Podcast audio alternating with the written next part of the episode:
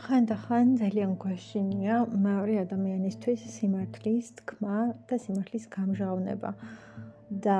ეს შიში მოდის იქიდან, რომ არ ვიცით რა მოხდება მერე, როგორი რეაქცია ექნება მას და უკვე ყველაფერი, როდესაც იქნება ნათქვამი და ყველაფრის თქმის შემდეგ რას გამოიწვევს ეს ყველაფერი და რა იქნება და რა მოხდება მაშინ, როდესაც ჩვენ უკვე უკან დასახევი გზა არ გექნება, რადგან სიტყვებს ვერ წაიღებ უკან და ვერაფერს უკვე ვეღარ შეცვლი. და დადგება ის შედეგი და შედეგები, რომლებიც დადგება და ეს იქნება ის შედეგები, რომლებსაც შენ ვერ შეცვლი. აა და ყველაფერი იქნება აი ასე. და მაგ დროს უბრალოდ აა შენ რა უნდა ქნა, რა უნდა გააკეთო და როგორ უნდა მოიქცე. აა ნუ ალბათ ყველა ადამიანს ქონია ცხოვრებაში თუნდაც ერთხელ მომენტი, როდესაც რაღაცის თქმა ძალიან უმძიმს და უჭირს მეორე ადამიანისთვის. და არის გარკვეული თემები და საკითხები, რომელზეც საუბარი საკმაოდ რთულია. იმიტომ რომ არ ვიცით როგორ მიიღებენ, არ ვიცით როგორ გაგვიგებენ, რამდენად გაგვიგებენ, განგვშიან თუ არა, რას იფიქრებენ, როგორი რეაქცია ექნებათ მათ და მოკლედ ეს ყველაფერი ძალიან რთული არის და მე მგონია რომ რა საკითხსაც არ უნდა ეხებოდეს და რომელ საკითხსაც არ უნდა ეხებოდეს ცხოვრებაში ერთხელ მაინც არის ეს მომენტი, როდესაც რაღაცა თემაზე შენთვის სურფას და საყვარელ ადამიანთან ან ადამიანებთან საუბარი ძალიან გიჭირს და გიმძიმს. აა თუნდაც მაშინ, როდესაც არ ვიცი, ყველაზე ისეთი მარტივი და ბანალური რაღაც რომ თქვა, შეიძლება ვიღაცას ისიც კი უჭირდეს, რომ აა მაგალითად მშობელს უნდა რომ რაღაცაზე ჩააბაროს მაგალითად და მას არ სურს და საერთოდ სხვა რაღაც სურს და აი ამაზე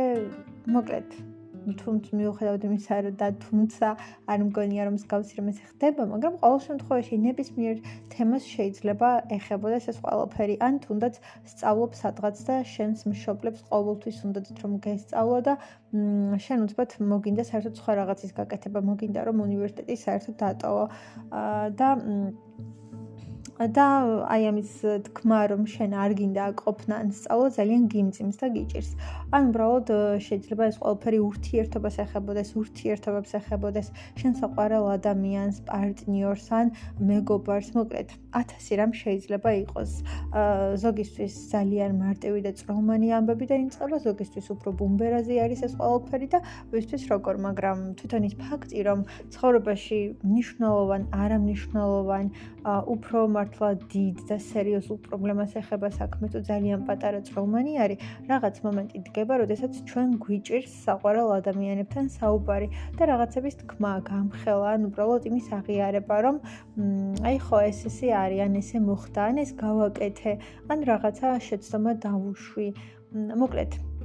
ძალიან ბევრ რაღაცა შეიძლება ეხებოდეს ეს ყველაფერი. წარმოსადგენს თუ წარმოუდგენელ შეიძლება მე კონკრეტული მაგალითები მომივიდეს, მაგრამ ვიღაცისთვის საერთოდ სხვა რაღაც იყოს, მოკლედ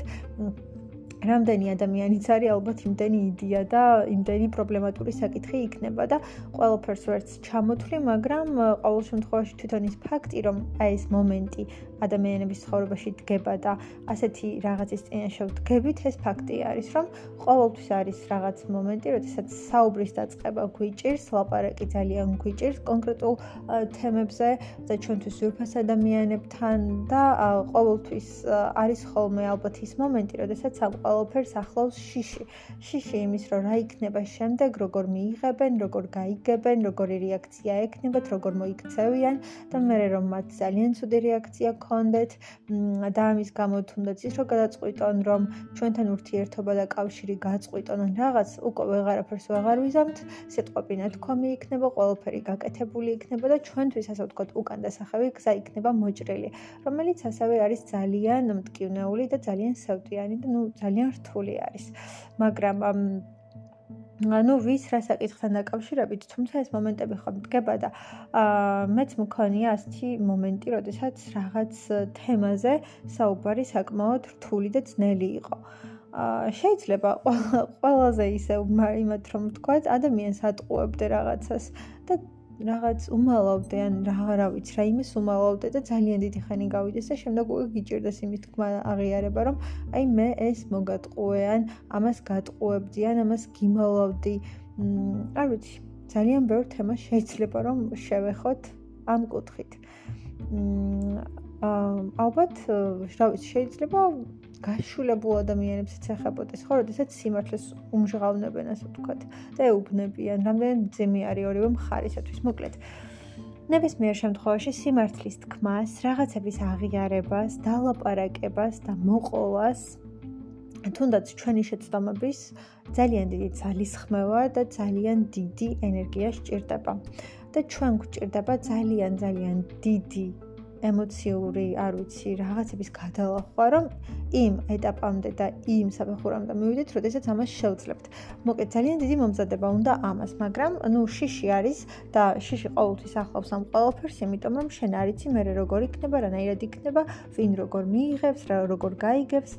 მე რა წარმოდგენები ექნებათ შენზე, ვის თვის იქნება, ასე ვთქვათ, მისაღები ან მიუღებელი ან ვისთვის იქნება ეს ყველაფერი გასაგები გაუგებარი და აი ეს შიშები ძალიან წარმართავს ბევრ საკითხს, მაგრამ მე პირადად მივედი ისეთ დასკვნამდე და ფიქრამდე, რომ რას არ უნდა იყოს, ეს ვართ ჩვენ. და ჩვენ ვართ ასეთები, ჩვენი შეცდომებით, ჩვენი წინსვლით, ჩვენი მარცხით, ჩვენი გამარჯვებებით, ჩვენი წარმატებებით, მთელი ჩვენი ისტორიით. ეს ვართ ჩვენ. ფაქტი არის რომ ვართ ჩვენ ყველაფერი რაც გაგვიკეთებია გამოგვიულია გვითქვამს დაგვინახებია მეორე ადამიანისთვის რაც კი გაგვიკეთებია კარგი და ცუდი რეალურად ეს ვართ ჩვენ. ჩვენ მთელი ჩვენი წარსულით, ბექგრაუნდით, ქმედებებით და შედეგებით. და თანაც ასევე ჩვენი ემოციებით და ჩვენი შინაგანი სამყაროთი, რომელიც ნუ ასეთი არის. და მე რა ხვდები რომ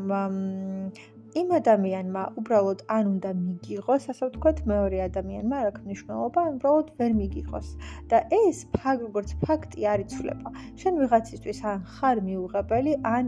ანუ კი არა და ან ხარ მისაღები, ან ხარ მიუღებელი. და თუ მიუღებელი ხარ, ხომ მაინც ნებისმიერ შემთხვევაში დარჩები მიუღებლად. თუ მაგალითად რომელიმე ადამიანს არ მოსწონს ჩვენში რომელიმე თვისება, მაგალითად ეგოიზმი, ხო? და შენ ძალიან გიყვარს ეს ადამიანი და გეძურფასება. და ძალიან თავს იკავებ.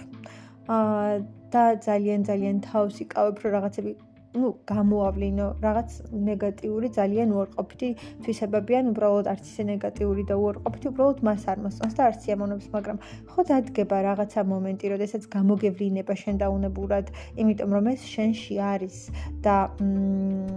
ну, ისეთ შემთხვევებში არ ვლაპარაკობ, როდესაც ადამიანმა შეიძლება რომ საკუთარი თავი განავითაროს, წინ წავიდეს და რაღაცების შეცვალოს, თორე ჩვენ თუ არ განვითარდით, თუ არ წავედით წინ, აზროვნებით იქნება, ქმედებებით იქნება, რაღაც რაღაცების შეცვლით იქნება, წინსვლით იქნება ცხოვრებაში თუ რაც არ უნდა იყოს, უნდა განვითარდეთ. ჩვენ თუ ყოველთვის ერთსა და იმავე ეტაპზე და საფეხურზე დავრჩით და არაფერი არ შეიცვალა ჩვენში შინაგანად, ემოციურად, გარეგნულად, ძალიან ცუდი იქნება, ხო? ანუ ესე იგი გავიყინეთ, ესე იგი რაღაც სტაგნით გახდა ყველაფერი და ძალიან ცუდი არის, რა თქმა უნდა, ეს ყველაფერი. მაგრამ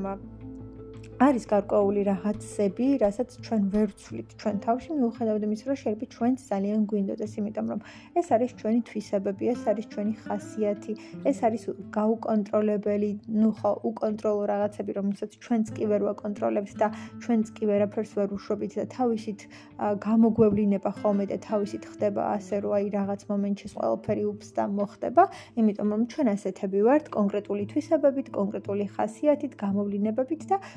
არის რაღაცები, რასაც ნამდვილად ვერ ვაკონტროლებთ. და მე უბრალოდ ვფიქრობ იმაზე, რომ შენ თუ ამ ადამიანისთვის მიუღებელი ხარ, ეს შენი შინაგანი ხო არ იცვლება. შეიძლება მართლაც იკავებდე რაღაცებზე თავს და არაკეთებდე და ძალიან ცდილობდე, რომ სხვა ადამიანებს თუნდაც დაანახო ან დაუმტკიცო, რამდენად კარგი ხარ, როგორი სრულყოფილი ხარ, როგორი იდეალური ხარ ან რაღაც მსგავსი, მაგრამ ამ შემთხვევაში მაინც ხო გამოდის, რომ გარკვეულწილად თამაშობ რაღაცა ნიღაბს, რაღაც სახეს ირგებ და თამაშობ იმისათვის, რომ სხვებს დაანახო და დააჯერო, როგორი კარგი ხარ და რომ გახდე მათი მოსაწონი.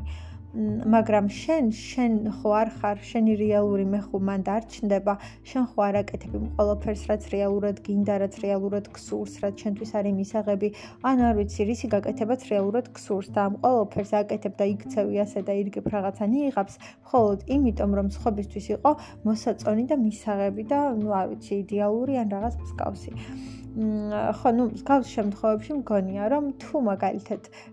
ყვამ ყველაფერს დაყვება იმის შიში, რომ მე მე ამ ადამიანისთვის ვიქნები მიუღებელი და ის ადამიანი ჩემთან აღარ იქნება და ჩემთან აღარ ეკნება არანაირი ურთიერთობა, ცოტათი არის სისულელე, იმიტომ რომ თუ შენ ვიღაცისთვის ხარ მიუღებელი, ყოველთვის იქნები მიუღებელი.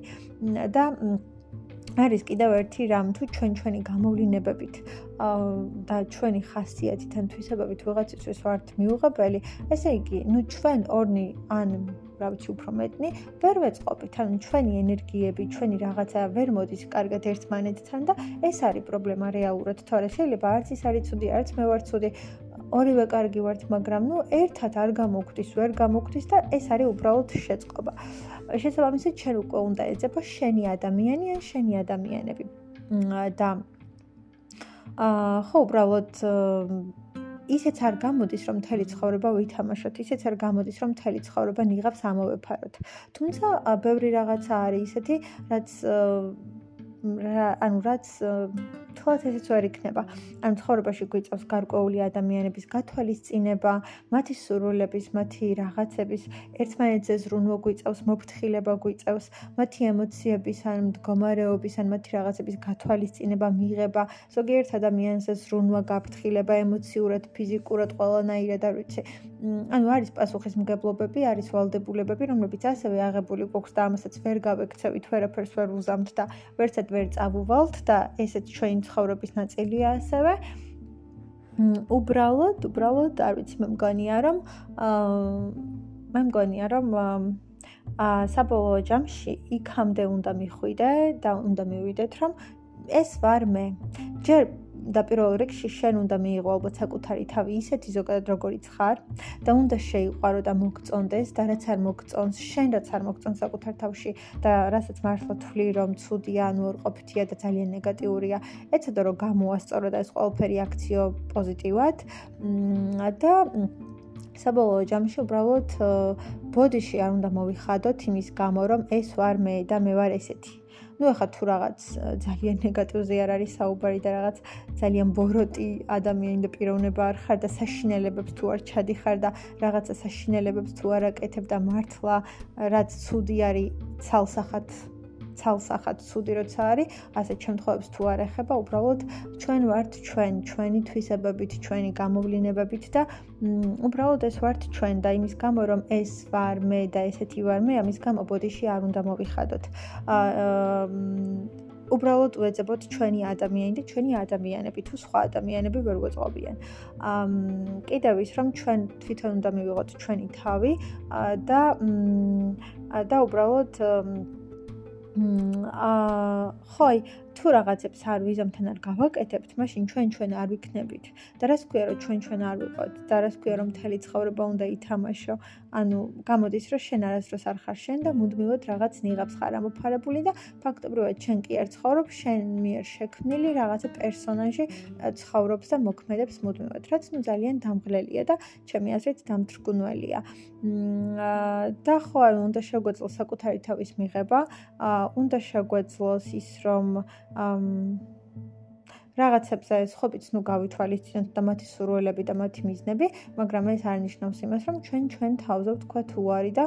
საერთოდ ხაზი გადავუსვათ და საერთოდ დავმალოთ და მივჩქმალოთ და ჭრდილში ვამყოფოთ, იმიტომ რომ იმიტომ რომ ნუ არ ვიცი რაღაც.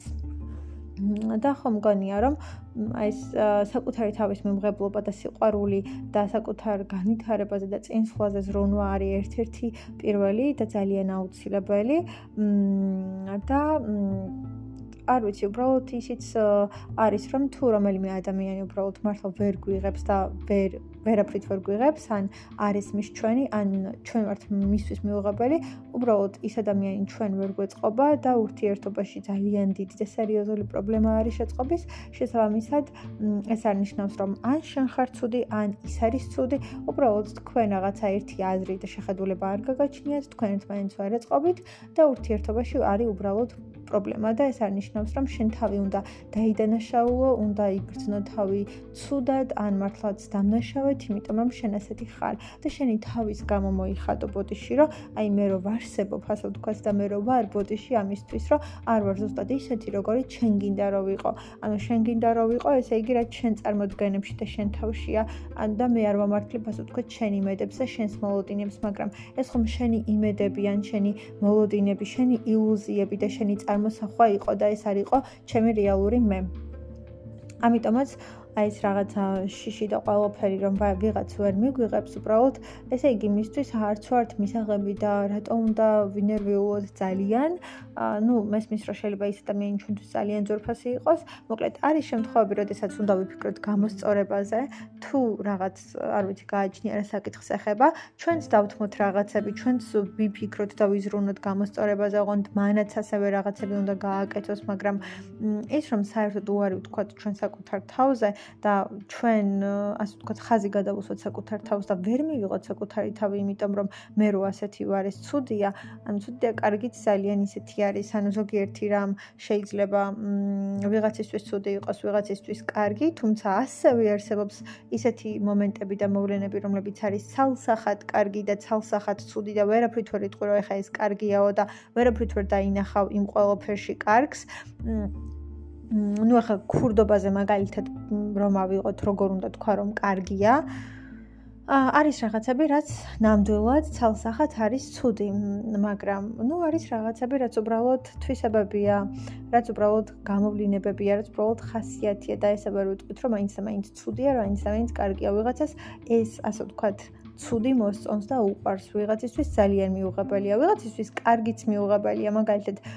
ყურადღებიანი როდესაც ხარ ეს თითქოს კარგი არის მაგრამ ზოგიერთ ადამიანს აღიზიანებს ეს ყურადღება ცოტა სედმეტად გამოვლენილი ყურადღება. ხო ანუ ვითომ კარგი თვისებაა მაგრამ ვიღაცისთვის ეს კარგიც არ არის რა. ესე მთლად მისაღები და არ არ არის ის რომ ძალიან მოსწონს და სიამოვნებს. ამიტომაც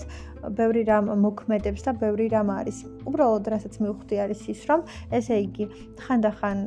ვიღაც ან საზოგადოება ან ვიღაცები გეუბნებიან რომ შენ შენ არ უნდა იყო და რეალურად ეს ესე არ უნდა ხდებოდეს რომ შენ შენ არ იყო იმიტომ რომ შენ შენ უნდა იყო იმიტომ რომ შენ შენ ხარ საკუთარი თავი უნდა მივიღოთ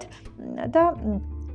და უბრალოდ ხო თავიდან ნაშავე და უნდა ვიქნოთ იმის გამო რომ მე ეს ვარ. და თუ რაღაც შესაძლებელი და გამოსასწორებელია და ჩვენც ვფიქრობ და ანალიზ ვუკეთებ და მიგვაჩნია რომ ცუდია გამოსწორებაზე ვიფიქროთ თუ არა და თუ მეორე ადამიანისთვის მიუღებელი ვართ მაინც მიუღებლები ვიქნებით ყოველთვის და მაინც ვერასოდეს ვერ გაგვიგებენ იმიტომ რომ ჩვენ სხვანაირად ვფიქრობთ ის სხვანაირად ვფიქრობს მისი შეხედულებები და წარმოდგენები სხვანაირია ჩვენი სხვანაირია და ეს შეწყობის პრობლემა იმ ადამიანთან მაინც ყოველთვის იქნება. შეიძლება ერთ ჯერზე რაღაცნაირად გადა დააგორო ან მოაგვარო ან რაღაც უქნა, მაგრამ აუცილებლად გაჩნდება მეორე, მესამე, მეხუთე და მეასე მიზეზი და რაღაც მომენტი, სადაც ისევ გამოჩნდება და თავს იჩენს ეს პრობლემა, იმიტომ რომ თქვენ ერთმანეთს რეალურად ვერ ეწყობთ, ვერ უგებთ, არ გაქვთ ერთნაირი წარმოდგენები, ფიქრები და შეხედულებები და კიდევ ჩვენ არ ვართ ის, ვინც უნდა გაამართლოს სხვისი წარმოდგენები, სხვისი შეხედულებები, ან ილუზიები და მათი მოლოდინები. ანუ ეს არის მათი მოლოდინები ჩვენ მიმართ და ჩვენ შეიძლება საერთოდ სხვანაირები ვიყოთ. ამიტომ არ ვიცი, ბევრი რამ არის ხოლმე გასათვალისწინებელი და ის რიციც დავიწყე, რომ ის რითიც დავიწყეთ, რომ ხანდახან გვეშინია, რომ რა იქნება შემდეგ, თუ ადამიანი წასასვლელიან დასაკარგია, ის აუცილებლად დაკარგავს ცხოვრების რაღაც ეტაპზე მაინც და თუ ვერ გიგებს და არის მიშენი სხვა შემთხვევებშიც აუცილებლად გამოჩნდება, ამიტომ ხანდახან ნერვიულობთ ისეთ რაღაცაზე, რაც დღეს თუ არა ხვალ, ხვალ თუ არა ზეგ გარდაულოთ და აუცილებლად მოხდება და ჩვენ ამ ყოველფერზე ნერვებს ვიწყვეტ. ასე რომ ხანდახან არის შემთხვევები, როდესაც რაღაცები უნდა გავუშვოთ, რაღაცები უნდა მივიღოთ, ან არის შემთხვევები, როდესაც უბრალოდ გამოსწორებაზე უნდა ვიზრუნოთ და ვიფიქროთ, იმიტომ რომ ეს ყველაფერი ჩვენთვისაც და მისთვისაც ძვირფასია.